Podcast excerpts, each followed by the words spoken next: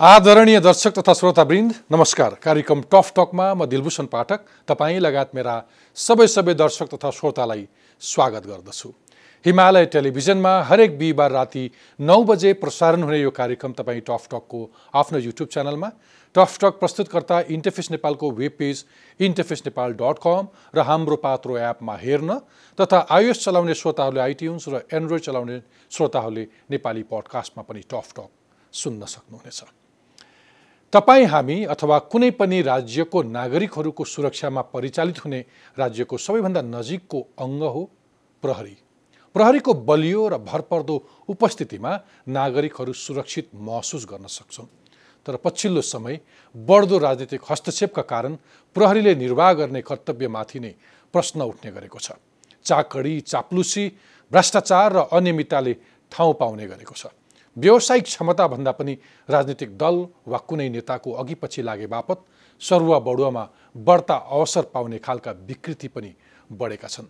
तर एकातर्फ विकृतिको चाङ नै हुँदाहुँदै पनि आधुनिक तालिम आवश्यक साधन स्रोत तथा अनुसन्धान गर्ने अत्याधुनिक प्रविधि लगायतको अभाव र काम चलाउ पूर्वाधारका बावजुद पनि नेपाल प्रहरीले महत्त्वपूर्ण काम गर्दै आएको छ। हरेक पटक आइजिपी फेरबदल हुँदा निकै ठुलो राजनीतिक खैला बैला हुन्छ। अहिले पनि सुरु भइसकेको छ। ती हल्ली खल्ली चिरेर नेतृत्वमा पुग्ने व्यक्तिसँग निकै ठुलो अपेक्षा पनि गरिन्छ।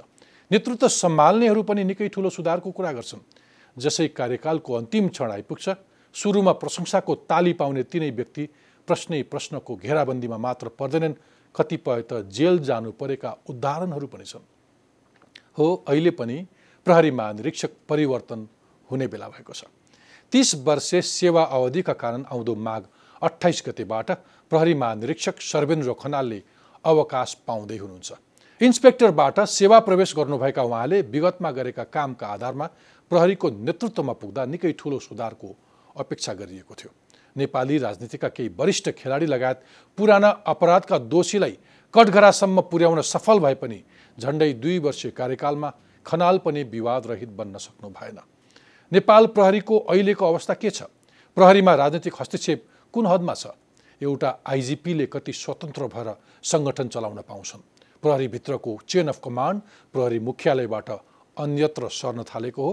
नेपाल प्रहरीको व्यावसायिक क्षमता र दक्षता कस्तो छ?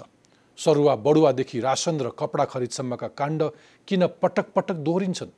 निकै ठुलो सुधारको अपेक्षा गरिएका प्रहरी अफिसर नेतृत्वमा पुग्दा किन काम गर्न नसक्ने अवस्था आउँछ। यस्तै प्रश्नहरूको जवाब खोज्न आज मसँग हुनुहुन्छ नेपाल प्रहरीका महानिरीक्षक आइजिपी सर्वेन्द्र खनाल। आउनुहोस् स्वागत गरौँ आजका मेरा अतिथि। तिस वर्ष प्रहरीमा सेवा गरेर अर्को साता रिटायर्ड हुन लाग्नुभएका प्रहरी महानिरीक्षक सर्वेन्द्र खनाललाई।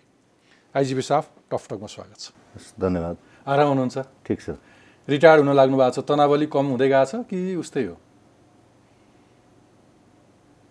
कहिले आउँछ रिटायरमेन्टको दिन जस्तो चाहिँ लागेको छ कहिले कहिले लाग्छ? तनावमा त त्यस्तो केही छैन। खासै। तर एक महिना अगाडि नै बिदा बस्ने चलन थियो होइन तपाईँ अन्तिम अवस्था। अर्को हप्ता त तपाईँको त्यो धेरै पहिला थियो। त्यसको निर्णय भइसकेपछि चाहिँ जुन अपकमिङ एउटा आइजी हुन्छ उस नियुक्ति हुँदा बिदा बस्न सजिलो हुन्छ। नियुक्ति हुँदा सहज छ। त्यो नहुँदा अहिले बिचमा धेरै वर्ष भयो। त्यस्तो चाहिँ नि पद्धति बसिसकेको छैन। अन्तिम समयसम्म काम गरिरहनु पर्ने अवस्था छ। ओके म आज तपाईँसँग तपाईँको कार्यकाल कस्तो रह्यो काम कारवाही कसरी भए प्रहरीको क्षमता कस्तो छ त्यसको दक्षता कस्तो छ र व्यावसायिकताका विषयमा अथवा राजनीतिक हस्तक्षेप कति छ एउटा आइजिपीले कति स्वतन्त्र भएर काम गर्न पाउँछ कति काम गर्न पाउनुभयो त्यसबारे क्रमैसँग आउँछु। तर अहिले चाहिँ तपाईँलाई मैले आफ्नो कार्यकाल फर्केर समीक्षा गर्न लगाएँ भने आइजिपी सर्वेन्द्र खनालको कार्यकाल कस्तो रह्यो आइजिपी साहब? मलाई सन्तुष्ट छ मेरो आफ्नोमा। केही कामहरू गर्छु सङ्गठनको एउटा चाहिँ सुदृढीकरण गर्ने आन्तरिक रिफर्म गर्ने शान्ति सुरक्षामा सुदृढ वातावरण तयार गर्ने र यो अपराध नियन्त्रण रोकथाम जस्ता विषयमा अलिक प्रभावकारी कदम चाल्ने। र यो सुशासनको सन्दर्भमा अलि दृढता साथ अगाडि बढ्ने र पब्लिकमा र सरकारको दृष्टिकोणमा नेपाल प्रहरी सङ्गठनको चाहिँ प्रभावकारितामा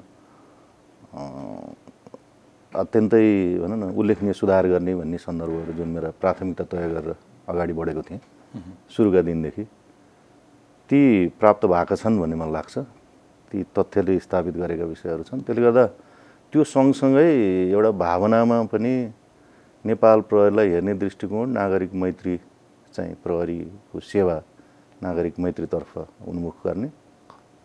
र सोसाइटी अथवा कम्युनिटीसँग यो अपराध नियन्त्रण रोकथामका विषयहरूमा अथवा अनुसन्धानकै विषयहरूमा पनि र सामाजिक अपराधहरू नियन्त्रण गर्ने सन्दर्भमा कम्युनिटीलाई अनबोर्ड लिएर जाने अगाडि सानेर सहकार्य गर्ने र प्रहरीलाई हेर्ने दृष्टिकोणमा चाहिँ एउटा सिग्निफिकेन्ट एउटा चाहिँ नि भनौँ न अपग्रेड गर्ने अथवा त्यो प्रहरीलाई प्रहरीसँग जाँदाखेरि त्यो चाहिँ क्रेडिबल अर्गनाइजेसनको रूपमा स्थापित गर्ने जसले गर्दा प्रहरी सबैले ओन गरोस् कि हाम्रो प्रहरी सङ्गठन हो हाम्रो नेपाल प्रहरी हो भन्ने आम नागरिकले त्यो पनि लिनुपर्छ भन्ने जुन थियो मेरो धारणा सुरुदेखि त्यो धारणामा नि बढोत्तरी भएको छ त्यसले गर्दाखेरि मलाई लाग्छ यो दिनसम्म आइपुग्दा म खुसी नै छु। त्यही हो। त्यसो अघि मैले तपाईँलाई आइजिपी सर्वेन्द्र खनाल भनेर किन भने भने तपाईँ आइजिपी हुँदै गर्दाखेरि।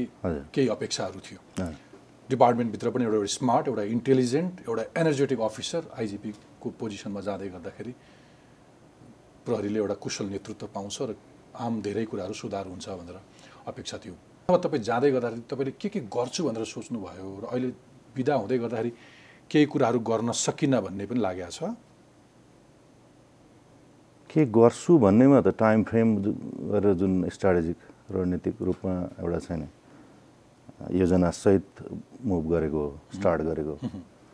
त्यो गरिसकेपछि टाइम फ्रेमभित्र त्यो डेडलाइनभित्र अचिभ भएको छ।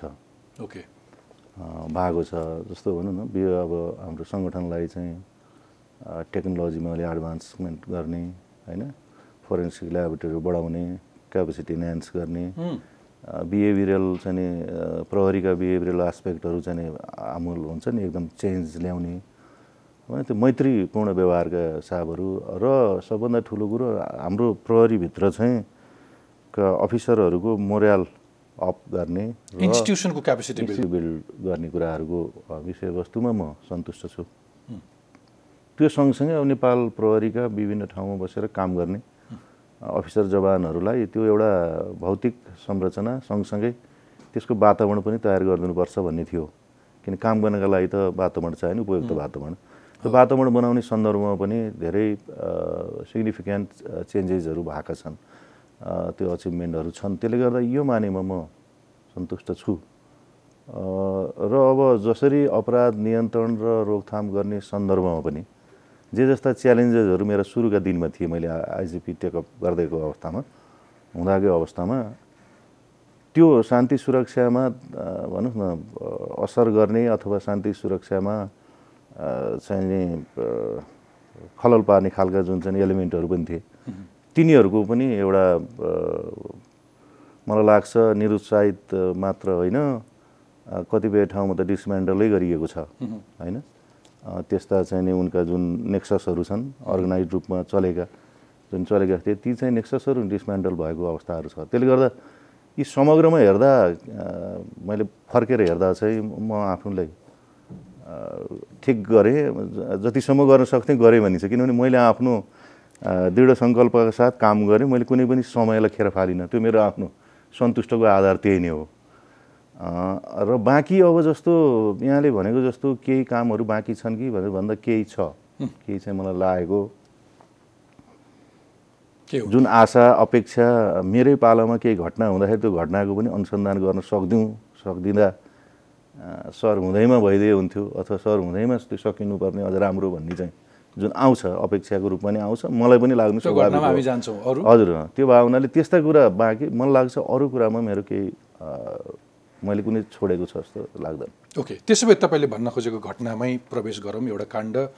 कति घटनाहरू चाहिँ एउटा लिडरसिपमा पुगेको मान्छेलाई अवसर पनि बनेर बनेर आउँछ कहिले कहिले दशा बनेर पनि आउँछ कहिले कहिले भारी पनि हुन्छ। कसै कसैले त्यसलाई चिर्न सक्छन्। म आफ्नै मेरो सम्झिन्छु म कान्तिपुर टेलिभिजनको प्रधान सम्पादक भएर गएको छैटौँ दिनमा भूकम्प आयो। सम्पूर्ण सञ्चार गृहहरू बन्द हुने अवस्थामा पुगेँ तर मैले सडकमा एउटा पालमा न्युजको स्टुडियो चलाएको सम्झिन्छु। कति संस्थाले पुरस्कृत गर्यो अर्को महिना।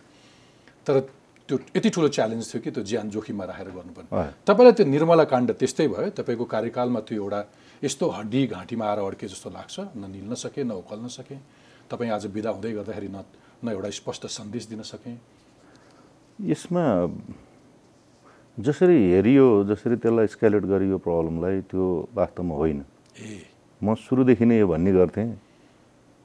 किनभने नेपाल प्रहरीले त्यहाँ गर्नुपर्ने सम्बन्धमा केही प्रशासनिक त्रुटिहरू भएको छन् त्यहाँ। मोबिलाइजेसनको सन्दर्भमा त्यो भएको छन् भनेर हामीले एडमिट गरेको कुरा हो। सुरुदेखि नै मैले भनि नै रहेको छु। त्यसको लगत्तै पश्चात पनि म कञ्चनपुरै पुगेर स्पष्ट मेसेज मैले दिएको थिएँ। कि प्रहरीको गैर व्यावसायिक पनि क्षम्य हुँदैन। होइन? त्यसको कसुर अनुसारको त्यो मात्रा अनुसारको कारवाही हुन्छ। तर जथाभावी सम्प्रेषण गर्ने जथाभावी चाहिँ उजुरी झुट्ठा जाहेरी झुट्ठा कुराहरू राखेर चाहिँ गलत चाहिँ डिरेल गर्ने सन्दर्भमा पनि अहिलेको कानुनले त्यसलाई क्षम्य गर्दैन।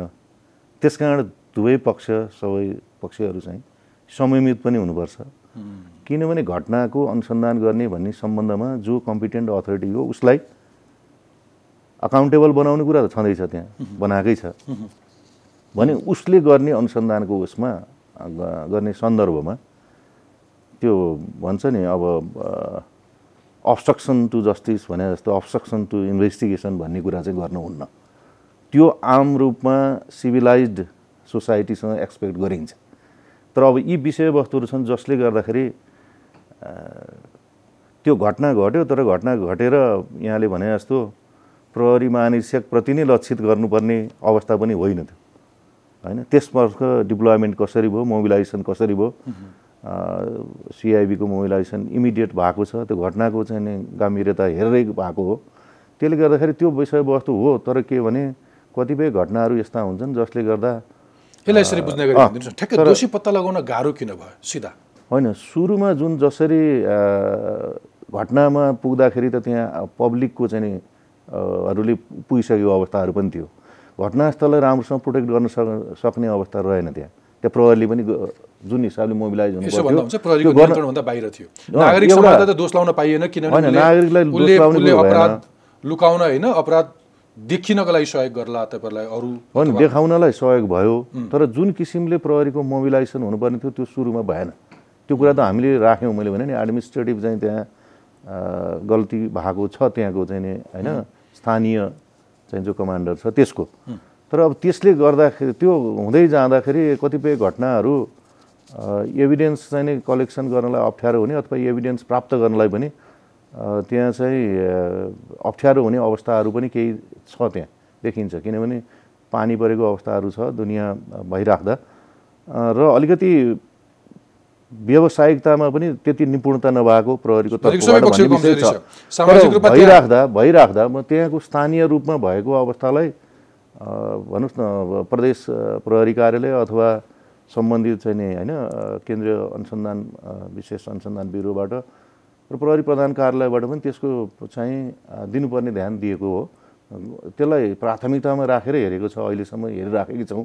कतिपय घटना हुन्छन् मलाई लाग्छ अब यो वर्ष अथवा समय तोक्न नसकिने अवस्था हुन्छ। यो कुरा त हामीलाई अनुभव पनि छ नि। अब हो अपेक्षा राख्नु यसैमा आइहालोस् भन्ने त मेरो पनि त्यो छ नहुनु भन्ने कुरै भएन मलाई त छ। त्यो घटना आफ्नो कार्यकालमा भएको हुँदा यसैमा रिजल्भ भइदियोस् भन्ने त बिल्कुल छ। तर के भने छ चाहना त्यसले अर्थ भन्दैमा- पनि राख्थ्यो होला तपाईँकै कार्यकालमा पनि त्यसको राख्थ्यो। कुनै निष्कर्ष आउन सक्यो होला एउटा अफिसरले यति गरेर जानु तर के भने इन्स्टिट्युसन हो संस्थागत कुरा हो प्रहरी नेपाल प्रहरी भने त विगतमा देखिको अहिलेसम्मको चाहिँ अनुसन्धानमा छ। अब्बल भएकै छ। एकपटक एकपटक प्रधानमन्त्री केपी शर्मा ओली स्वयंले पनि यो खास घटनाको तथ्यसम्म पुगेर छानबिन गर्न दिएन अ, भनेर भन्नुभयो नि त्यो बाहिर जुलुस धरना प्रदर्शन के के के के समस्याहरू प्रति इङ्गित गर्नुभएको थियो अथवा यसको इन्साइड के छ? तपाईँ जाँदा जाँदै पनि एउटा निष्कर्षमा पुगेर जान नसक्नु। अब अझै पनि हामी त्यसमा क्रियाशील नै छौँ समय निष्पक्ष रूपमा काम गर्न समय केही नसकेकै बाँकी। छ। हेर्नु निष्पक्ष रूप वास्तवमा हो त्यहाँ जुन दिन घटना भयो घटना भएको भोलिपल्टदेखि नै त्यसको चाहिँ होइन जुलुस अथवा उहरू सुरु हुनु भने होइन त्यसमा चाहिँ र त्यो हुँदा हुँदै एउटा अपरेसनमा बिजी हुनुपर्ने अवस्थाहरू आयो त्यहाँ। होइन? डाइभर्ट गर्ने पनि पनि कायम। गर्नु छ, पनि अनुसन्धानको बाटो नै अगाडि बढाउनु छ। त्यो गर्ने सन्दर्भमा फेरि के भयो भने अनुसन्धानमा हरेक कुरा गर्दाखेरि त्यहाँ चाहिँ इन्टरफेरेन्स जस्तो चाहिँ सिचुएसन आइ नै रह्यो। होइन? त्यो त अहिलेसम्मको घटनाक्रम हेर्दाखेरि नेपाल प्रहरीले त निष्पक्ष रूपमा अनुसन्धान गरेर ल्याएको छ नतिजा। प्रश्न त्यो। कुरामा हजुर त्यो प्रश्न त्यही हो। मैले तपाईँलाई किन सोध्न खोजेँ भने खेलाडीको म्याच फिक्सिङ अथवा अपराध अनुसन्धानमा अफिसर हुँदाखेरिको सर्वेन्द्र खनालको छवि साह्रै उच्च थियो। डिपार्टमेन्ट सबैले पत्ताउँथे तारिफ गर्थे एउटा गुड अफिसर भन्थे नि। कस्ता कस्ता अपत्यारिएला अपराधहरू तपाईँले निकाल्न सक्नुभयो त्यसलाई कारवाही गर्न सक्नुभयो। तर आज यही एउटा घटनाले सिङ्गो प्रहरी इन्स्टिट्युसनको क्षमतामाथि नै व्यापक प्रश्न उठ्यो भन्ने त अनुभूति छ। तपाईँलाई जाँदा जाँदै मन खिन्न त छ नि। होइन व्यापक प्रश्न पनि उठाइए। म स्पष्ट भन्छु हेर्नुहोस्। हामीले अहिलेसम्म गरेको अवस्थामा तपाईँले त्यो विश्वास त राख्नु पनि पर्छ त। बिल्कुल। होइन? आखिर नेपाल प्रहरीले हो अनुसन्धान गर्ने। हाम्रो व्यावसायिकतामा काहीँ चाहिँ प्रश्न उठाउने कुरै छैन हामीले भनि पनि रहेछौँ तर त्यसलाई अघि भने नि मैले जसरी चाहिँ घटनालाई होइन एकदमै के भन्ने कोही त धेरै जसो अनुसन्धान कर्मी नै भए अनुसन्धानकर्ता नै जस्तो भएर पनि आउने। प्रहरीले गरेका कुरामा हरेक चाहिँ नि होइन भन्नुहोस् न प्रश्नहरू चाहिँ उठाइरहने। अब त्यो एउटा तार्किक उसमा निष्कर्षमा नपुग्दाखेरिको अवस्थासम्म त काम गर्दै जान्छ नि। त्यसले गर्दा त्यो र प्रहरी विरुद्धको अथवा चाहिँ नि सुरु इमिडिएटली नै भन्छु म त। भोलिपल्टदेखि पर्सिपल्टदेखि त्यसरी होइन जुलुस अथवा त्यस्तो खालको चाहिँ नि प्रेसर क्रिएट गर्नुपर्ने अवस्था मलाई कसरी आयो? त्यो कुरा चाहिँ हेर्न जरुरी छ। तर यसमा पनि हाम्रो जरुरी छ। कसरी आयो भन्नुहोस् न। भन्न पनि जरुरी छ। कसरी आयो त्यो स्थिति? हो। त्यो त्यो त्यो घटनालाई त्यो घटनाभित्रको राजनीति भन्नुहोस् न। अब त जाँदा जाँदै खोलिदिनुहोस् न। त्यहाँभित्रको कथा के हो? वास्तवमा तपाईँ आफैलाई समाजले नै एउटा एउटा स्थापित एउटा सफल अफिसरलाई प्रश्न चिन्ह खडा भइसकेपछि सुरुको चाहिँ एउटा के हो भने स्थानीय नेतृत्व भन्नाले एसपीसँगको त्यहाँ एउटा सर्टेन मान्छेको। अब अहिले नामै लिनु होइन? म पनि सङ्गठन प्रमुख। किन यो कुरा त सबै आइसकेपछि सबै कुरा स्वत रूपमा आइ नै हाल्थ्यो सतहमा त्यसमा चाहिँ उसले जुन किसिमको भन्नुहोस् न व्यवहार अथवा आचरण त्यो देखाएन जुन हुनु पर्थ्यो व्यावसायिक रूपले आउनु पर्थ्यो तत्कालीन त्यो कुरा र व्यक्तिगत रूपमा पनि उसको चाहिँ भन्नुहोस् न आफू बिचको कन्फ्लिक्ट देखिन्छ सुरुदेखि नै। त्यस कारण अब। एसपी अथवा तत्कालीन स्थानीयको कमान्डरसँग चाहिँ बढी केन्द्रित भएर कार्यक्रमहरू लक्षित भएको छन् सुरुदेखि।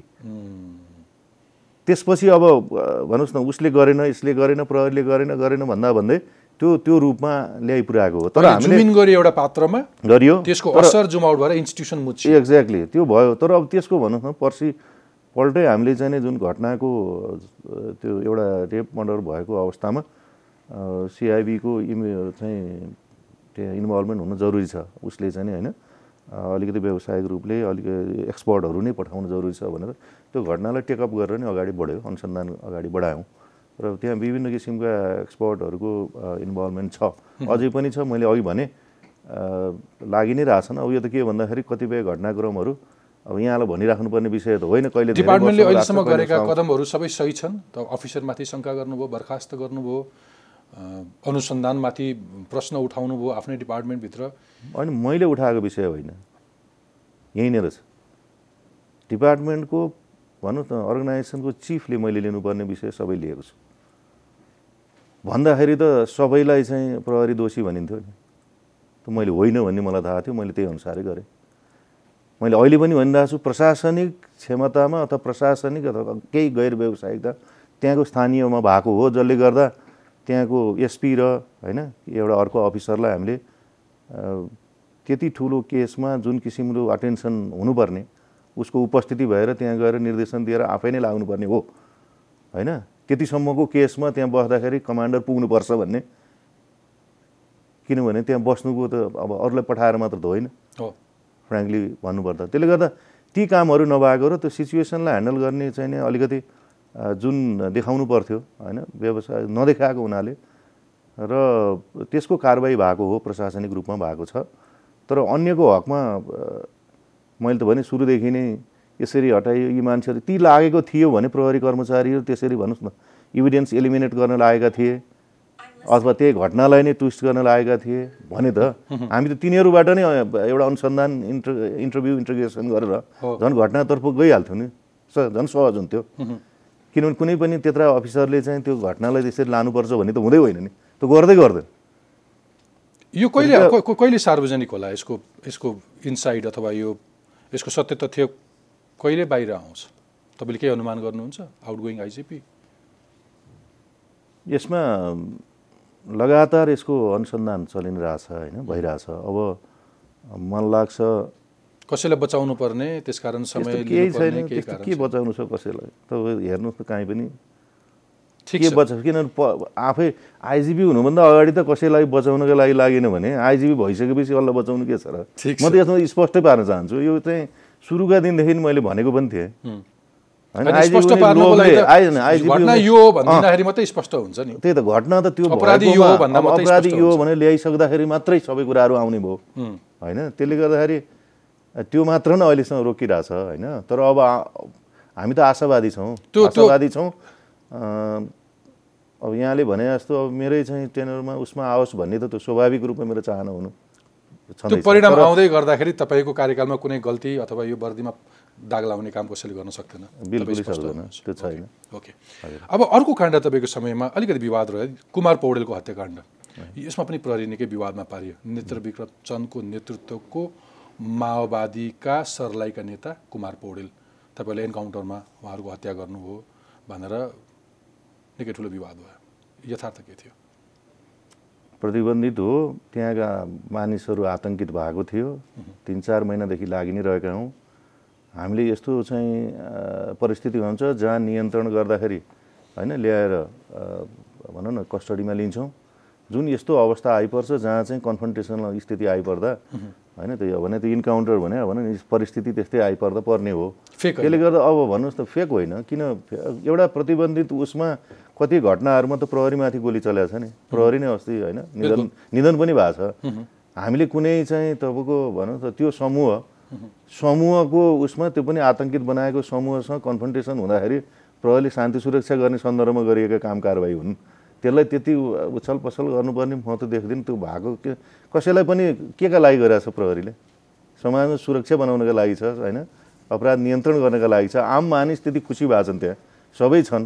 आखिर त्यो त्यहाँ को अवस्थामा पनि जुन सिचुएसन भनेर भनिन्छ अब मैले यसमा धेरै हेर्न थाल्यो भने त अब आफआफ्ना होला नि हेर्नुहोस् होइन? अब त्यसलाई चाहिँ उठाउने पठाउने आफ्ना चाहिँ त्यसका होला नि इन्स्टिट्युसनका पनि आफ्नै किसिमका चाहिँ काम कारवाहीहरू होला नि त्यो आयो होला तर म त्यो प्रहरीको तर्फबाट कुनै केही गल्ती भएको छैन। ठिक छ। आइजिपी साहब प्रहरीको चेन अफ कमान्ड चाहिँ के हातभन्दा बाहिर गइरहेको अवस्था हो अहिले? छैन एकदम। राइट ट्र्याक प्रोपर ट्र्याक प्रपरमा छ तपाईँको अफिसरहरू तपाईँको निर्देशन मान्छन्? बिल्कुल। नमान्न खोज्छन् कहिले कहिले? मनाउनु हुन्छ अर्कै कुरा। टाउको उठाउँछन्? टाउको उठाउने भन्दा दिएको चाहिँ तपाईँको लिगल आदेश होइन? साङ्गठनिक आदेश सरकारको नीति कार्यान्वयन गर्ने सन्दर्भमा अब नमान्ने भन्ने प्रश्नै आउँदैन। बोकिन्छन्? बोक्छन् कसैले? बगिने गलत एउटा के भने अभ्यासको रूपमा नि केही त भयो पहिले विगतमा नभए होइन। हाम्रै सङ्गठन नेपाल प्रहरीभित्र। तर त्यो कुरालाई यहाँ हुन दिएको छैन। अथवा यसो भन्दा हुन्छ त्यहाँ यति ठुलो संस्था छ सबै एकै खालका हुँदैनन्। संस्थाको आदर्श मर्यादा भन्दा पनि अवसर खोज्ने मान्छेहरू पनि हुन्छन्। कसैले सकेसम्म आइजिपीको कार्यालय धाउँछन् होला पहुँच पाए भने पाएनन् भने नेताको घर धाउँछन् होला अथवा मन्त्रीको क्वार्टर धाउँछन् होला तर त्यो त्यो नाजायज फाइदा उठाउन खोज्ने अथवा चेन अफ कमान्डलाई फलो नगरिकन आफ्नो स्वार्थपूर्ति गर्न खोज्ने अफिसरहरू पनि छन्। छन् त्यो। धागा पनि छन्। धागाको सोचेअनुसारको काम व्यक्तिगत त्यो धृष्टता त्यो राखेर गर्ने काम गर्न दिएको छैन। धाएको मलाई छ आएको छ। केही अफसर छन्। स्पष्ट वार्न पनि गरेको छु। साङ्गठनिक मर्यादा राखेर सङ्गठनको हितलाई दिएको जिम्मेवारीलाई बिल्कुल काम गर्ने हो। पेसागत रूपमा दक्ष भइसकेपछि त्यो सङ्गठनलाई चाहिन्छ। राष्ट्रलाई चाहिन्छ। लगानी गरे हुन्छ नि लगानी गरे हुन्छ संस्थाले। त्यसले गर्दाखेरि धागै भरमा भएको छैन। त्यसको अर्थ हो सङ्गठन हो सङ्गठनमा फर्मल इन्फर्मल टाइपको होइन कुराहरू हुने अथवा त्यस्ता कुराहरू केही गुन्जायस रहन्छ भन्ने नै छ होइन? यो त हाम्रो सङ्गठन ठुलो सङ्गठन पनि भएको हुनाले आफआफ्नो किसिमका सोचाइ बुझाइ होला। त त्यसमा त हामीले एकरूपता ल्याउने हामीले गएर बनाएको छौँ। तर अब केही त्यस्ता भेस्टेड भेस्टेड इन्ट्रेस्ट भनौँ न त्यहाँभित्र इन्टर्नल अथवा एक्सटर्नल चाहिँ फोर्सेसहरूले पनि आफ्नो चाहिँ स्वार्थपूर्तिका लागि मलाई कुन अफिसर ठिक हुन्छ भनेर खोज्ने त छ नि एउटा घटना हो। घटनै केलाउँदाखेरि पनि केही समय अघि मात्रै चितवनका एसपी दानबहादुर मल्ललाई सरुवा गर्यो तपाईँको डिपार्टमेन्टले। फलान ठाउँमा जाने भनेर सरुवा गर्यो। उनीले जिल्लै छोड्न मानेनन् चितवन। नमानेर नेकपाका अध्यक्ष पुष्पकमल दाल प्रचण्डको चितवन जिल्ला। उहाँकै बडीगार्ड हुनुहुन्थ्यो उहाँ पहिले। हो? उहाँसँग नजिक हुनुहुन्थ्यो। उहाँले चितवन छोड्न मान्नु भएन। तपाईँले बाह्र घन्टाभित्र त्यो जिल्ला छोड्नु भनेर पत्र काट्ने अवस्था आयो। पछि अर्का अफिसर पठाउनु भयो। तिनले गएर कार्यभार सम्हाल्ने स्थिति आएन। काट्ने अवस्था आयो भन्ने होइन। त्यो काट्ने एउटा प्रो- प्रोसेस पनि हुन्छ।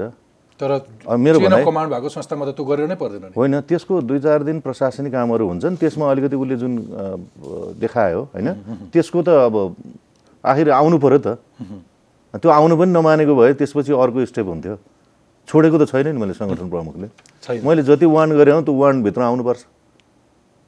अब फेरि अर्को के हो भने कोही मानिस भनौँ न नेपाल प्रहरीले कसै कहाँ गएर सुरक्षा दिने पिएसओ भने त उसको काम नै हो नि। नजिक हुनको जानेर जे पनि पाउनुपर्छ भन्ने त होइन। होइन।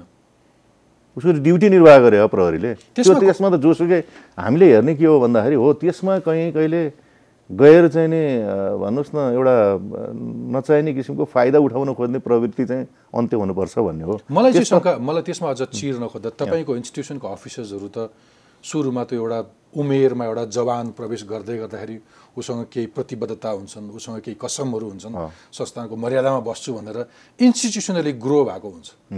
होइन? सिस्टममा हुर्केको मान्छे हुन्छ। त्यो आफै त्यसरी चलाउन चलाइन खोज्छ कि कुनै राजनीतिक उच्च तहमा पुगेपछि अथवा शक्तिशाली हुँदै गएपछि राजनीतिक गर्नेहरूले त्यतातिर बढी चासो राख्छन्। चासो कसको हो? तपाईँको अफिसरको अथवा पोलिटिसियन्सहरूको? म त के भन्छु भने नेपाल प्रहरी अफिसर नै पहिला ठिक हुनुपर्छ। एब्सोल्युटली होइन? मेरो मलाई भन्नुहुन्छ मैले आजसम्म यही भनिरहेको छु। मेरो प्रत्येक उसमा मैले पनि त यो भन्नुहोस् न डिएसपी एसपी सबै लिएर आउँदा पहिला आफू भइसकेपछि सङ्गठनले सङ्गठन प्रमुखले काम गर्ने नै खोज्छ। तर अझ भन्ने हो भने त मलाई त भन्नुहुन्छ भने यस्ता यस्ता सिचुएसनहरू आयो मेरै आफ्नै अनुभवमा कि प्रहरी महानिरीक्षकले खोजेर ल है सर्वेन्द्र यहाँ जानुपर्छ भनेर आयो। होइन। त्यो यो आउँछ यो गर्नुपर्छ। यसरी जाओस् न राम्रोसँग। ओके ठिक छ। तपाईँ अब कहीँ गएर म अब म यहाँ भनेर गर्छु यसो गर्छु भन्ने कुरामा त खोइ मैले चल त्यसरी चाहिँ चलेको छैन। तपाईँ एउटा संस्थाको आइजिपी भएकोले तपाईँ एउटा मर्यादामा बस्ने भएकोले तपाईँले त्यो मर्यादाको हिसाबले भन्नुभयो। म आफै अथवा पुलिस आफै इमान्दार हुनुपर्छ भनेर। होइन। तर म चाहिँ नागरिक समाजको सदस्य भएकोले म के भन्छु भने समाजका सबै पक्ष इमान्दार होइन म आउँदै पनि थिएँ। मैले यहाँले भने ठिक पनि हो। र अर्को के हो भन्दाखेरि नेपाल प्रहरीले दिने त शान्ति सुरक्षा दिने हो अर्डर मेन्टेन गरिदिने हो। र त्यो वातावरण बनाइदिने हो चाहे जोसुकै राजनीति गर्ने होस् चाहे अन्य चाहिँ दैनिक क्रियाकलाप सञ्चालन गर्ने होस्। पेसा व्यापार व्यवसाय व्यवसाय होइन जर्नलिजम जे भन्नुहोस् न। शान्ति सुरक्षा राखिदिएपछि यी कामहरू निर्वाध रूपमा हुन पाउन् भन्ने हो। त्यसका लागि त प्रोफेसनल पुलिसिङ हुनु पर्यो। होइन? त्यहाँ डिस्क्रिमिनेसन हुन्छ। त्यहाँ कसैका लागि चाहिँ नि होइन बढी हेर्ने अथवा कानुनलाई चाहिँ समान दृष्टिबाट हेर्न नसक्ने एक्जिक्युट ललाई एक्जिक्युट गर्न नसक्ने अवस्था आयो भने कसरी हुन्छ? ओके त्यसकारण हाम्रो ऊ चाहिँ के भन्दाखेरि त्यो चाहिँ कसैले नगरिदिनु नगरिदिँदा राम्रो हुन्छ। फेरि त्यसको कुनै राम्रो नतिजा आउने पनि होइन। मलाई यो राजनीतिक हस्तक्षेप कति छ भन्ने प्रश्नमा जानुभन्दा अगाडि एउटा सकारात्मक पक्ष उठाइहाल्नु जस्तो लाग्यो। यो एउटा संस्थाको एउटा इम्प्रेसन पनि हो आम नागरिक जोडिने एउटा राज्यको सबैभन्दा नजिकको साथी हो संस्था हो। अघि हामीले केही अफिसर्सहरूको कुरा गर्दै गर्दाखेरि पनि आजको दिनमा आएर चाहिँ यो संस्था खारिँदै गएपछि त्यहाँभित्रको युवा अफिसर्सहरू चाहिँ असाध्यै वर्ल्ड क्लासको कम्पिटिटेन्ट साह्रै राम्रो अफिसर्स पनि छन् होइन नेपाली पुलिसमा? धेरै छन्। अहिले त हामीले एउटा कम्युनिटी पुलिस पार्टनरसिप भन्ने एउटा प्रोग्राम ल्याएको छौँ। बाह्रवटा थिमेटिक इस्युजहरूमा हरेक ठाउँमा गएर डिल गर्छन्। ट्रेनरको रूपमा विकसित गरेका छौँ। यति पलिस्ड यति राम्रो अफसरहरू छन्। यो चाहिँ के भने इन्भाइरोमेन्ट दिने हो। मलाई अहिले आइजी भएर मैले भनिराख्दा राखेँ नि जो काम गर्नका लागि निर्भीक रूपमा दृढतापूर्वक काम गर्ने वातावरण दिएको छु मैले। म स्पष्ट भन्छु। हरेक ब्रिफिङमा मेरो त्यो हुन्छ। किनभने कानुन कार्यान्वयन गर्नलाई त्यो एक्सटेन्टमा जाने हो। कुनै अफिसर मैले आजसम्म चाहे म हिजो युनिट बस्दा डिस्ट्रिक्टमा बस्दा जुन ठाउँमा बसेर काम गर्ने त्यही नै वातावरण थिएँ। अहिले आइजी भएर समग्र नेपालभरि नै हरेक ठाउँमा यो कामले निर्धक्क भएर काम गर्नु दृढतापूर्वक गर्नु। मैले? ऱ्यान्डम अब अब यो चाहिँ के छ भने गरेका छन्। मैले ऱ्यान्डम रिसर्च गरेका थिएँ तपाईँको केही अफिसर्सहरूलाई चाहिँ मैले फोन गरेँ। हजुर। मैले चिनेकाहरूलाई तपाईँकै मुखबाट आयो त्यो सही भयो मैले भन्नुभन्दा। म पूर्वाग्रही हुनसक्थेँ तर तपाईँ आफ्नै डिपार्टमेन्टको हेडले तपाईँले केही अफिसर्सहरूलाई कानुनमा बसेर काम गर्नु कसैसँग नहिचकिचाउनु तिम्रो लागि म गर्दन थाप्छु भनेर कसैलाई भन्नुभएको छ। रिसोर्स पुगेन नि मलाई भन्नुभएको भएको छ मैले जोड्न खोजेको के हो भने मैले अघिल्लो पटक एकजना विज्ञलाई यहाँ राखेर सोधेको थिएँ कि नेपालमा कस्ता डाक्टरहरू छन् भनेर सन्दुकलाई तपाईँले पनि गर्व गर्न सक्नुहुन्छ मलाई भनिदिनुहोस् कि आम नेपालीको छाती पनि फुलेर जाओस् कि वर्ल्ड स्ट्यान्डर्डमा हामी विकासमा कहाँ छौँ पत्रकारिता कहाँ छ जान्न? पुलिसिङमा नेपालको पुलिसिङ इन्टरनेसनल स्ट्यान्डर्डमा कुन लेभलको छ? र अघि तपाईँले दाबी गरिरहेको पलिस्ड अफिसरहरूको स्ट्रेन्थ कतिसम्म छ? युएनको एक्सपोजर छ प्रशस्त ट्रेनिङ छन् पछिल्लो पटक आएकाहरू त राम्रो नलेज भएको युनिभर्सिटीका राम्रा ग्रेजुएट्सहरू छन् होइन? के के छ?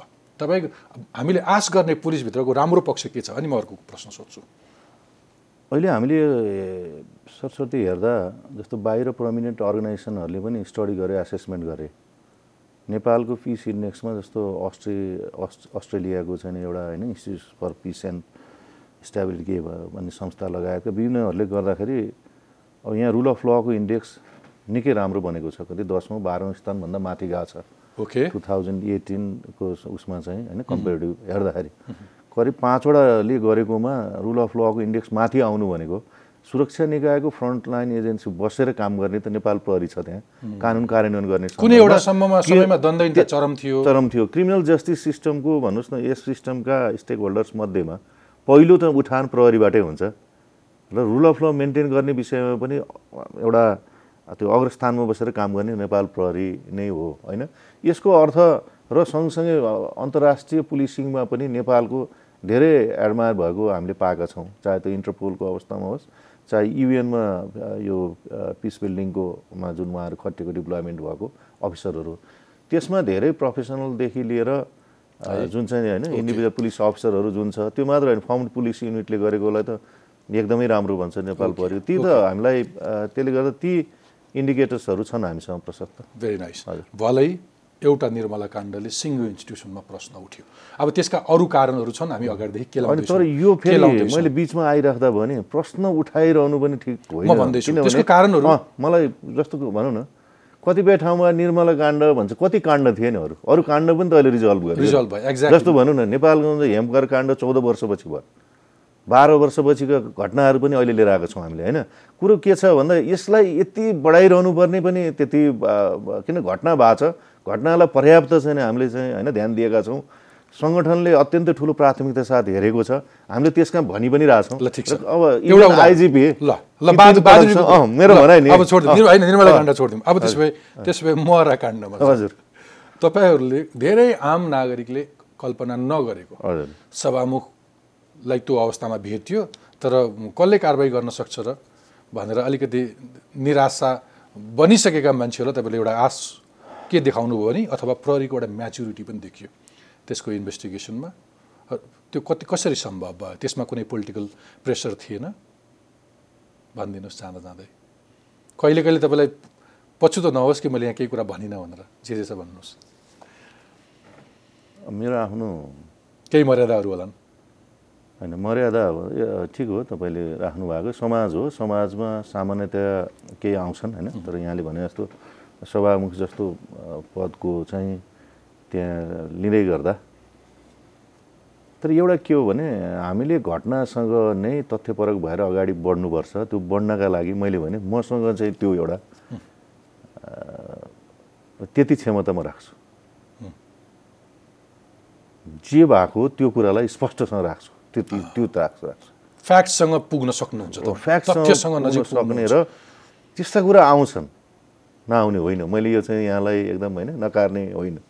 तर यो यो कारणले यो चाहिँ छैन सम्भव छैन भन्न सक्छु। तर तर प्रहरीले सत्तामा शक्तिमा बस्ने मान्छेहरूलाई संरक्षण गरेका घटनाहरू पनि प्रशस्त छन् नि। यो यसको लागि धेरै देशमा धेरै त्यस्ता घटनाहरू। एक्ज्याक्टली कस्तो भने यसमा नेपाल सरकारको अहिले भनिराख्दा सरकारको नेतृत्व सम्मान्य प्रधानमन्त्रीज्यूबाट होइन अल्टिमेट अथोरिटीको हिसाबमा त्यहीँ पुग्ने हो। राम्रो काम गर्नलाई कुनै पनि बाधा व्यवधान छैन। बुझ्ने गरी भनौँ प्राइम मिनिस्टर अफिसबाट तपाईँ काम कारवाही अगाडि बढाउनुहोस् कसैले रोक्न सक्ने भनेर। यो विषयलाई मात्र होइन। मैले जुन समग्रमा भन्नुभयो। ओके ओभरअल ओभरअलमा राम्रो काम गरेर यो यो छ भनेर चाहिँ राखिसकेको अवस्थामा मलाई लाग्छ त्यो त्यो आएको अवस्था पनि छैन। र त्यो इन्भाइरोमेन्ट छ। ओके आलमको केसमा तपाईँहरूले नेपाली कङ्ग्रेसका सांसद मोहम्मद अफ्ताब आलम जसले बाह्र वर्ष अगाडि केही मान्छेहरूलाई इँटा भट्टामा हालेर मारे भन्ने आरोप थियो। तिसका आरोपीलाई पनि तपाईँहरूले कारवाही गर्न सक्नुभयो। बाह्र वर्षपछि खोलो फर्क्यो। कति सजिलो थियो? दबाबहरू केही थिएन। अथवा कुन अवस्थामा त्यो गर्नु पर्यो? असहज त घटनाहरू बिउज्याउन पनि राजनीति हुन्छ भनिन्छ। यस्तो होइन। एकदम स्पष्ट राख्नुहोस्। किनभने यतिका वर्षसम्म भएन। मैले भने नि त प्रहरी महानिरीक्षक हुनुभन्दा अगाडि त त्यो गर्नु परेन भने अहिले आएर आइसकेको घटनाको क्रमलाई त्यसो स्पष्ट साथ लान्छौँ हामी। कुनै कारण राजनीतिक कारण होइन। त्यो कुरा त। यति भइसक्यो भनेर त मैले ब्रिफ गरेको हुँ। त्यसको त हुन्छ नि जस्तो ल एन्ड अर्डरको सिचुएसनहरूको अवस्थाहरू आउँछ के कारणले भयो भन्ने हुन्छ के हुँदैछ भने। अब यो हामीले डेभलपमेन्टहरूको कुरामा हाम्रो मेकानिजम संयन्त्रभित्र यसरी गर्ने कुन एक्सटेन्टमा गर्ने भन्ने त हुन्छ। तर के भने त्यहाँ कसैबाट होइन। विशुद्ध। किनभने चेपुवामा कति परिन्छ? तपाईँले अघि भने जस्तै प्रधानमन्त्रीज्यूले तपाईँ डिपार्टमेन्ट हेड हुनुहुन्छ लिड गर्नुहोस् सबै सपोर्ट हुन्छ राज्यको तर्फबाट भनेर भन्नुभयो होला। तपाईँले अघि मेरा अफिसरलाई यसरी भनेको थिएँ भने जस्तै। तर अरू पनि ठुला पार्टी हुन्छन् अरू पनि ठुला नेताहरू हुन्छन् अरू पनि शक्तिशाली केन्द्रहरू हुन्छन्। तिनले चाहिँ यो नगर्दै हुन्थ्यो अथवा केही समय यसो चेपुवामा पार्छन् नि होइन? चेपुवामा त पर्छ। त्यसलाई चाहिँ दबाब प्रभाव कतिको हुन्छ? दबाब त पार्न खोजिन्छ होइन? प्रभाव। अब त्यो त्यो के भन्छ, चेपुवा भन्नु नि यहाँले चेपुवामा पर्ने अथवा अलिकति तनाव सिर्जना गर्ने अवस्था त हुन्छ। सबैले हाम्रो- यहाँको। अवस्था बल्ल बस्दैछ पद्धति बल्ल निर्माण हुँदैछ होइन? यो अवस्था हुन्छ।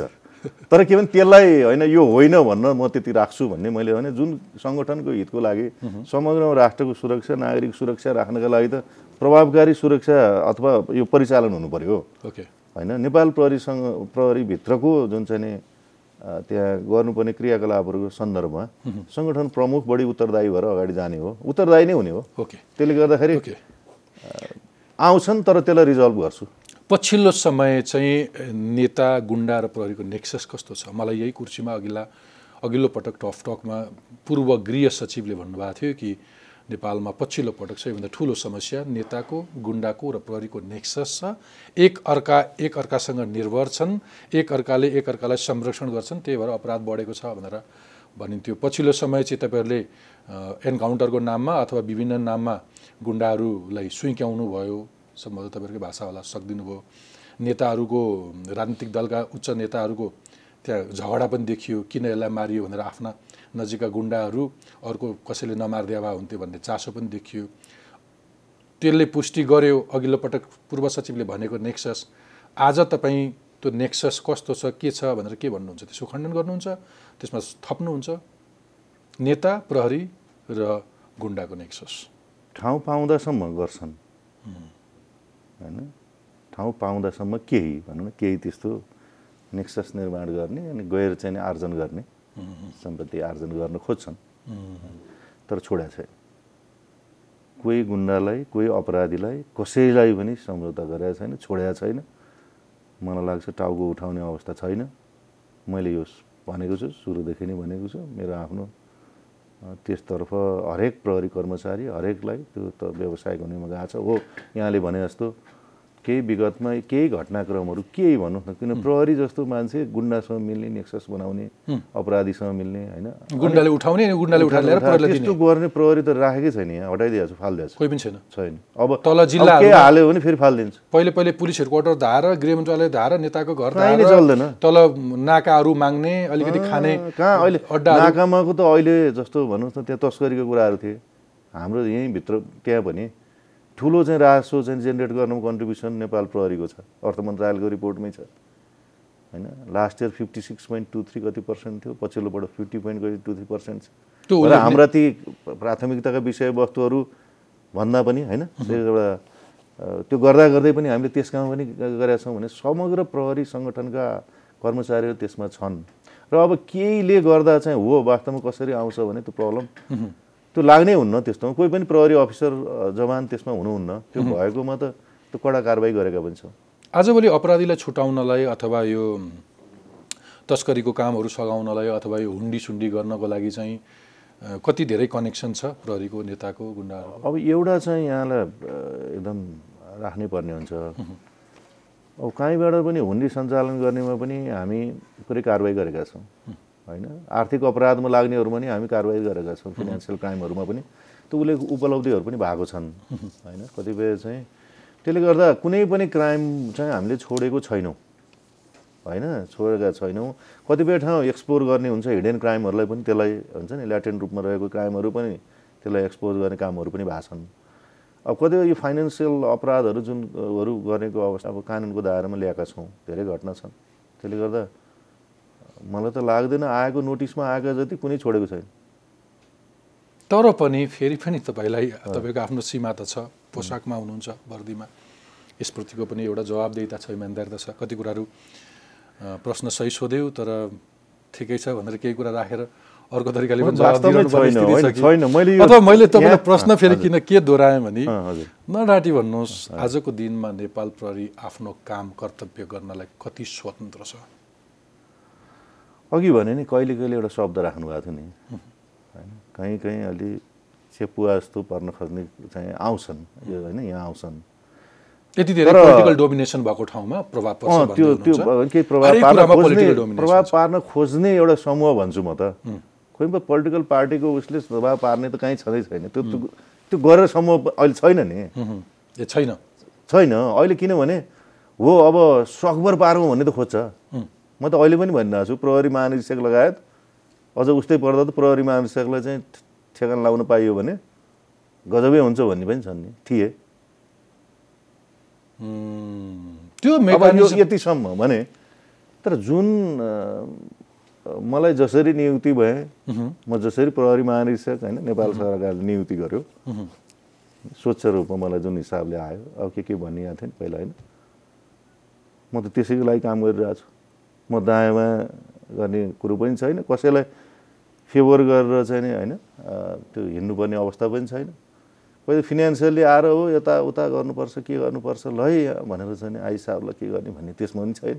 भनेपछि मेरो भनाइ अब कोही होला प्रयास गर्ने त अब कति भए म धेरै बिल्कुल होइन तपाईँले यति सक- यति भनिसकेपछि त मैले के भन्न यसलाई अन्यथा अर्थ नलगाउनु होला मैले बिम्बका रूपमा मात्रै प्रयोग गरेको कसैले यस्तो पनि आरोप लगाएको थियो कि यदि नेपालको पुलिस अफिसर कुनै जुन दिन आइजिपी हुन्छ त्यही दिन उसको हातमा नेताले हतकडी लाउँछन्। स्वतन्त्र हुँदैन।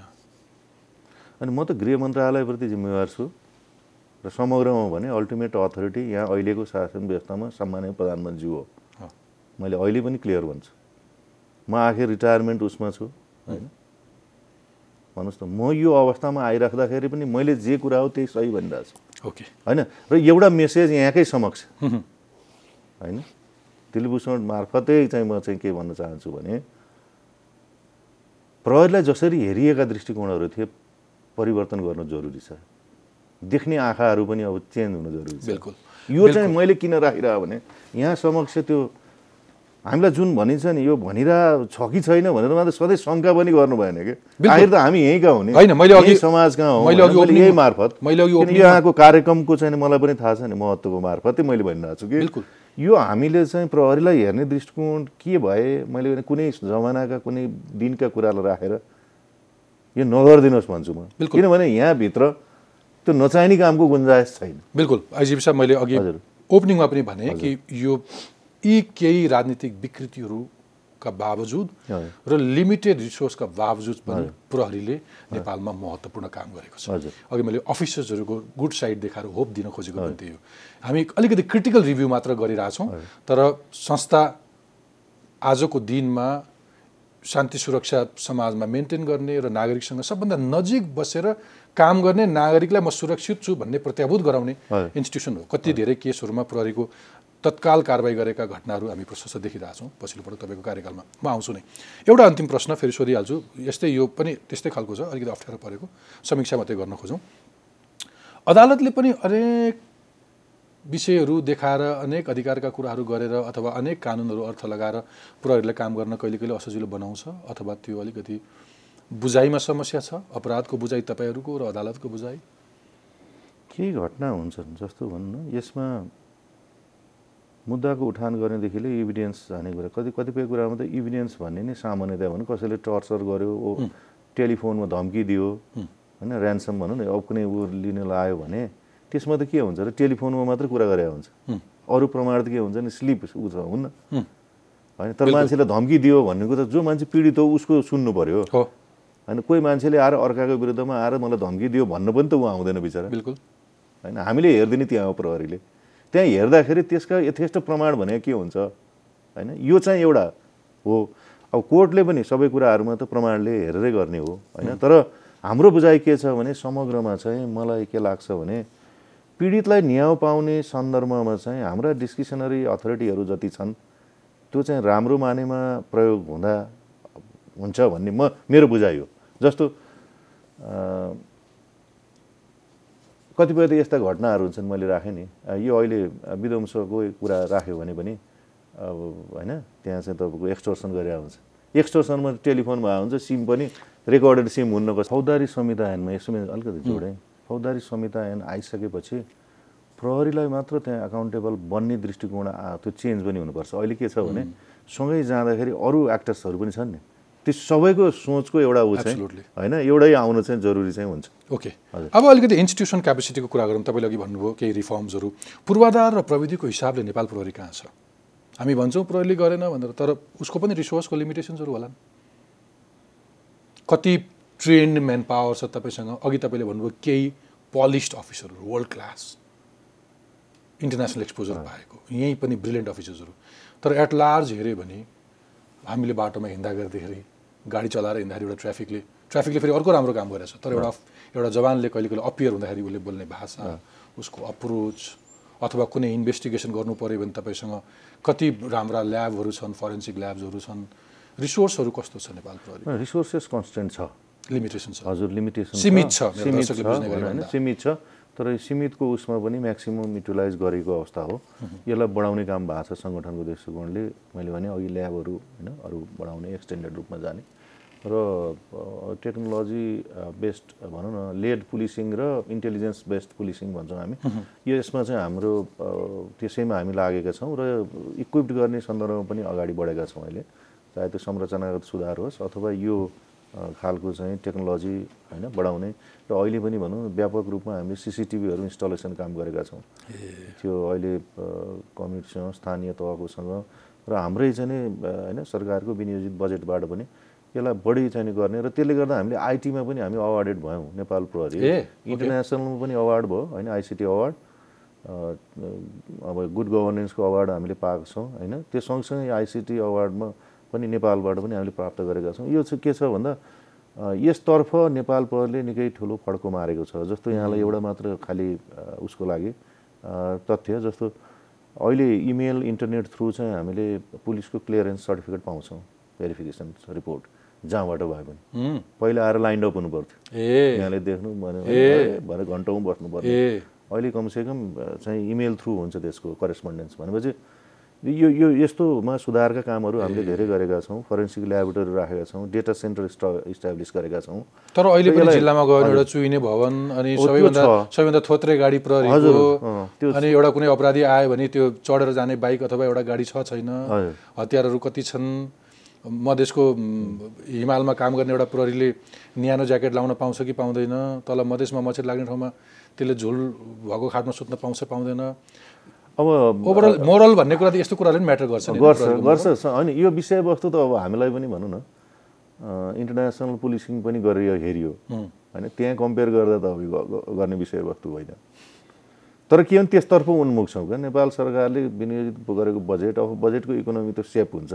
आफ्नै एउटा चाहिँ राष्ट्रको राज्यको त्यसको एउटा होइन साइज हुन्छ होइन फिनान्सियल सीमा हुन्छ। सीमा हुन्छ। अब त्यसमा बसेर हामीले गर्दै जाँदाखेरि यसको अप्टिमम म्याक्सिमम युटिलाइज गरेका छौँ।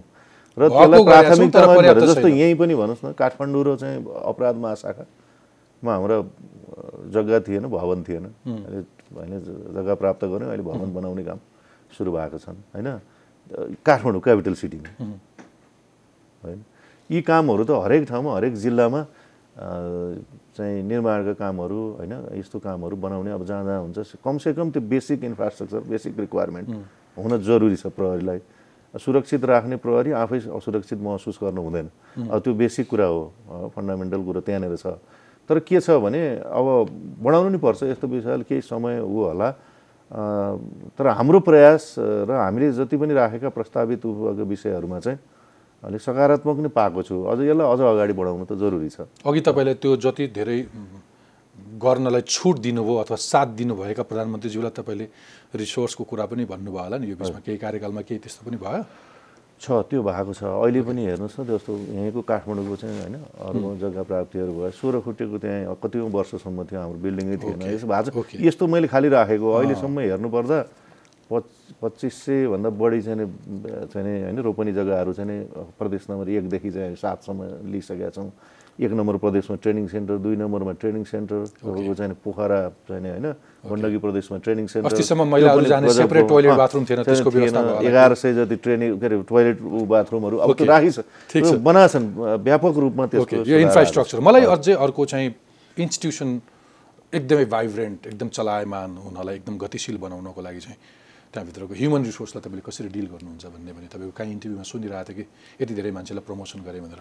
त्योभन्दा बाहेक पछिल्लो अपराधको प्रकृति इन्फर्मेसन टेक्नोलोजीको विकास अथवा एउटा अफिसरलाई अपग्रेड गर्ने कुरामा ट्रेनिङ्सहरूमा उसलाई एक्सपोजर दिने कुराहरूमा कति अगाडि छ नेपाल पुलिस? तर हाम्रो अहिले हामीले इन्टरपोलकोबाट मात्र चारवटा ट्रेनिङ हामीले प्रोभाइड गऱ्यौँ। होइन त्यसमा पनि क्यापेसिटी इन्हान्स गर्ने कामहरू भएको छन्।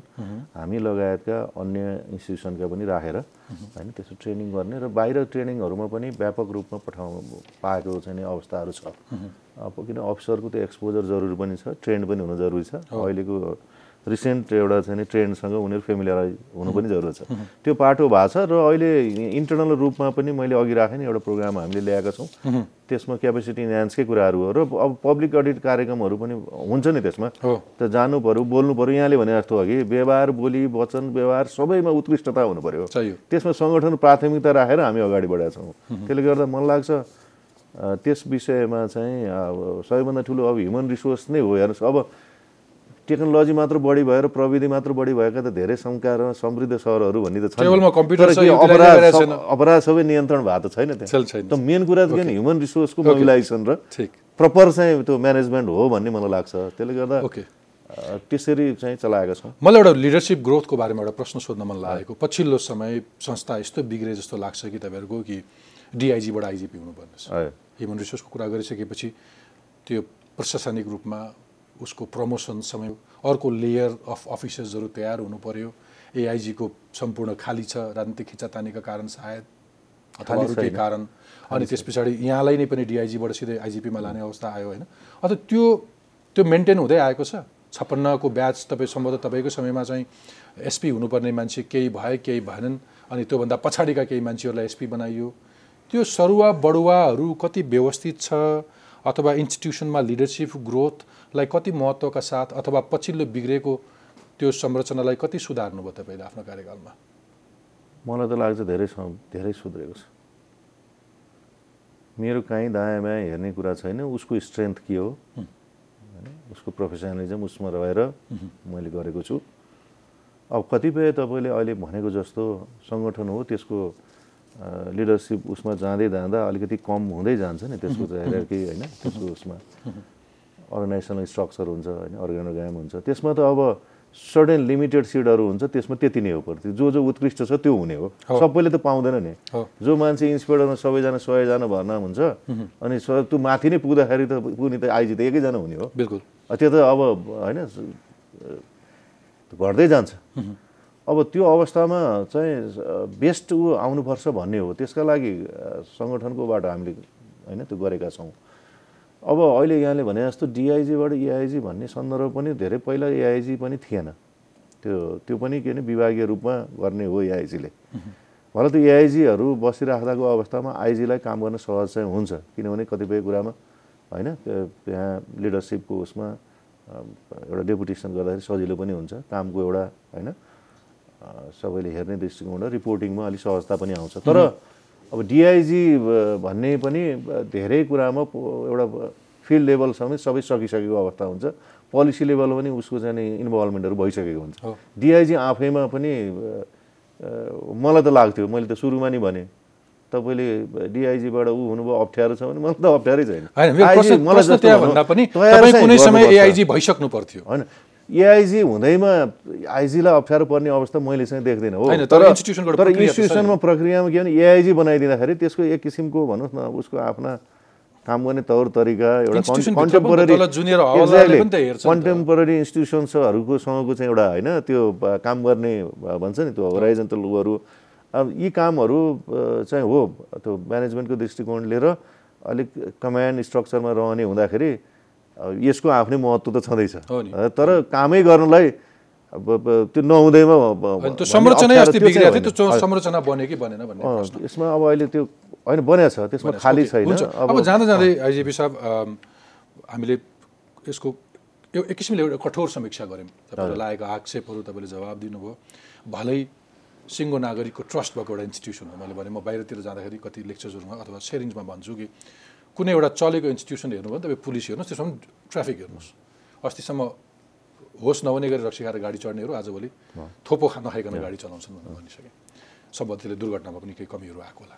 तर फेरि केही त्यस्ता इभिल प्र्याक्टिसहरू पनि थिए। इतिहासमा केही तपाईँ जस्तै आइजिपीहरू अदालतसम्म पुग्ने स्थिति आयो। भ्रष्टाचारमा मुछिए। संस्थाको अधिकारलाई दुरुपयोग गरेका प्रशस्त घटनाहरू थिए। तपाईँलाई जाँदा जाँदै मैले अन्तिम प्रश्न मौका दिएँ कि त्यो आइजिपी कुनै कठघरामा अदालतमा पुग्ने इतिहास दोहोरिँदैन। तपाईँलाई पनि कसैले आरोप लगायो होला। जाँदा जाँदै तपाईँ यो संस्थाको साखको बारेमा र तपाईँको आफ्नो कार्यकालको बारेमा मेरो दर्शकलाई के भन्नुहुन्छ भने एक मिनट मौका दिएँ। अत्यन्त राम्रो सधैँ नेपाल प्रहरी उत्कृष्ट रूपमा हुनुपर्छ भन्ने मेरो साङ्गठनिक प्राथमिकता नै हो। मैले राखेको छु दसवटा प्राथमिकतामा। त्यसमा अहिले हामीले दुई वर्ष भयो मैले अहिले काम गरेको। दुई वर्षकोमा इन्टरनल रिफर्मको कुरामा हामीले फिनेन्सियल इरेगुलारिटिजहरूमा सबैभन्दा बढी हामीले त्यो बेरोजु फर्स्योट गरेर सर्वोत्कृष्ट अर्गनाइजेसनको रूपमा हामी स्थापित भएको छौँ। दुई वर्ष भयो लगातार होइन? यो च्यालेन्जकै अवस्था थियो यसरी यसलाई त्यहाँसम्म ल्यान्ड गरेका छौँ होइन? यसलाई कन्टिन्युएसन हुनु जरुरी छ। यसमा अन्य कुराहरूमा मैले भने फिनेन्सियल चाहिँ नि इरेगुलारिटिजमा इन्भल्भ हुने अवस्था रहेको छैन। हामीले भनेको छौँ स्पष्टसँग। कुनै भ्रष्टाचारमा छैन। भ्रष्टाचारमा कुनै हालतमा संलग्न छैन। संलग्न हुने त्यस्ता कोही कर्मचारी रहेछन् भने तत्काल कारवाही भएको छ। र त्यसको गुन्जायस पनि छैन। र मैले यो आम मानिसले मैले भन्ने पनि गरेको छु हाम्रो प्रहरी अब चाहिँ विदेशी उहरू चाहिँ भेट्दाखेरि भन्ने गर्छु। तिमीले हेर्ने दृष्टिकोणमा नेपाल पुलिसलाई हेर्ने नन करप्ट अर्गनाइजेसनको रूपमा हेर हेर्नुपर्छ भन्दा गुड गभर्नेन्सको हिसाबले जुन इन्डिकेटर्सहरू छन् त्यो नेपाल प्रहरीले धेरै अचिभ गरेको छ। हामी फ्याक्टले पनि हामीले देखाएको छ र उनीहरूले भनेका छन् अहिले बाहिरकाहरूले चाहिँ जुन यहाँ छन् नि होइन युनाइटेड नेसन्सदेखिका विभिन्न प्रमिनेन्ट अर्गनाइजेसनहरूले हेर्दा हामीलाई त्यो फिडब्याक आएको छ। केही पूर्वाग्रही सञ्चार माध्यमहरूले साख गिराउने काम गर्छ। म त कसैप्रति पूर्वाग्रह थिइनँ। है? यो चाहिँ सुध्रिन जरुरी छ। ए। हेर्नुहोस् यो स्पष्ट कुरा हो। मैले मलाई आएर एक्ज्याक्टली हाम्रा सञ्चार गृह संस्थाहरू असाध्यै पूर्वाग्रही छन् केही मिडियाहरू यति पूर्वाग्रही छन् कि तपाईँ संस्थाको साख व्यक्तिगत रूपमा उत्रिन्छन्। नेपाल प्रहरी सङ्गठनको प्रमुख अथवा नेपाल प्रहरी सङ्गठनमा हामीले शान्ति सुरक्षा सबैका मैले भने त अघि सबैका चाहिँ निर्वाध रूपमा गतिविधि सञ्चालन गर्नका लागि त वातावरण दिएको छ त। सरकारले दिएको छ सरकारको अङ्ग हो म। नेपाल प्रहरी सङ्गठन कुन ठाउँमा कहाँ गलत भयो मलाई भनौँ न। कुन ठाउँमा कहाँ अप्ठ्यारो भयो भनौँ न। कुन ठाउँमा अपराधीले टाउको उठायो मलाई भनौँ न। कुन ठाउँमा नेपाल प्रहरीले अपराधमा अथवा करप्सनमा बसेर त्यसलाई जोगायो भने मलाई भनौँ न। त्यसरी आउँ। तर खालि अब भन्नुहोस् न यसो अब होइन गैर उस के अरे आधार बिना ऊ बिना चाहिँ लगाइरहँदा कसको प्रहरी मानिसको इज्जत जान्छ। इज्जत जान्छ। कस- कसको। जान्छ भने हाम्रो हामी बसिरहन्जेल त म बसिरहन्जेल काम गर्ने हो त। बिल्कुल। फेरि सबैका लागि काम गर्ने हो हामीले। त्यसकारण त्यो चाहिँ धारणा राख्नु उचित हुन्छ। अनि मात्र देशको हामीले जुन सोचेका छौँ नि जाँदै त्यो बाटो सही बाटो लिन्छ भन्ने लाग्छ मलाई। साहबको रिटायर्ड पछाडिको प्लान? बन्छन्। हजुर। कसैलाई राजदूत बन्ने चाहना होला? हजुर। केही त्यस्तो रिटायरमेन्ट अब मलाई त्यस्तो मेरो आफ्नो स्ट्रेन्थ देखेर नेपाल सरकारले यो हो यो ठिक छ भनेको सन्दर्भमा म त्यसमा होइन। उमेर छ छ त्यो छ। त्यो छ काम गर्न सक्छु भन्ने छ। आफ्नो निश्चित केही प्लान बनाइसक्नु भएको छैन। निश्चित त्यस्तो केही छैन। हुन्छ आइजिबी साहब तपाईँको महत्त्वपूर्ण समय र विचारको लागि धेरै धेरै धन्यवाद। हस् धन्यवाद।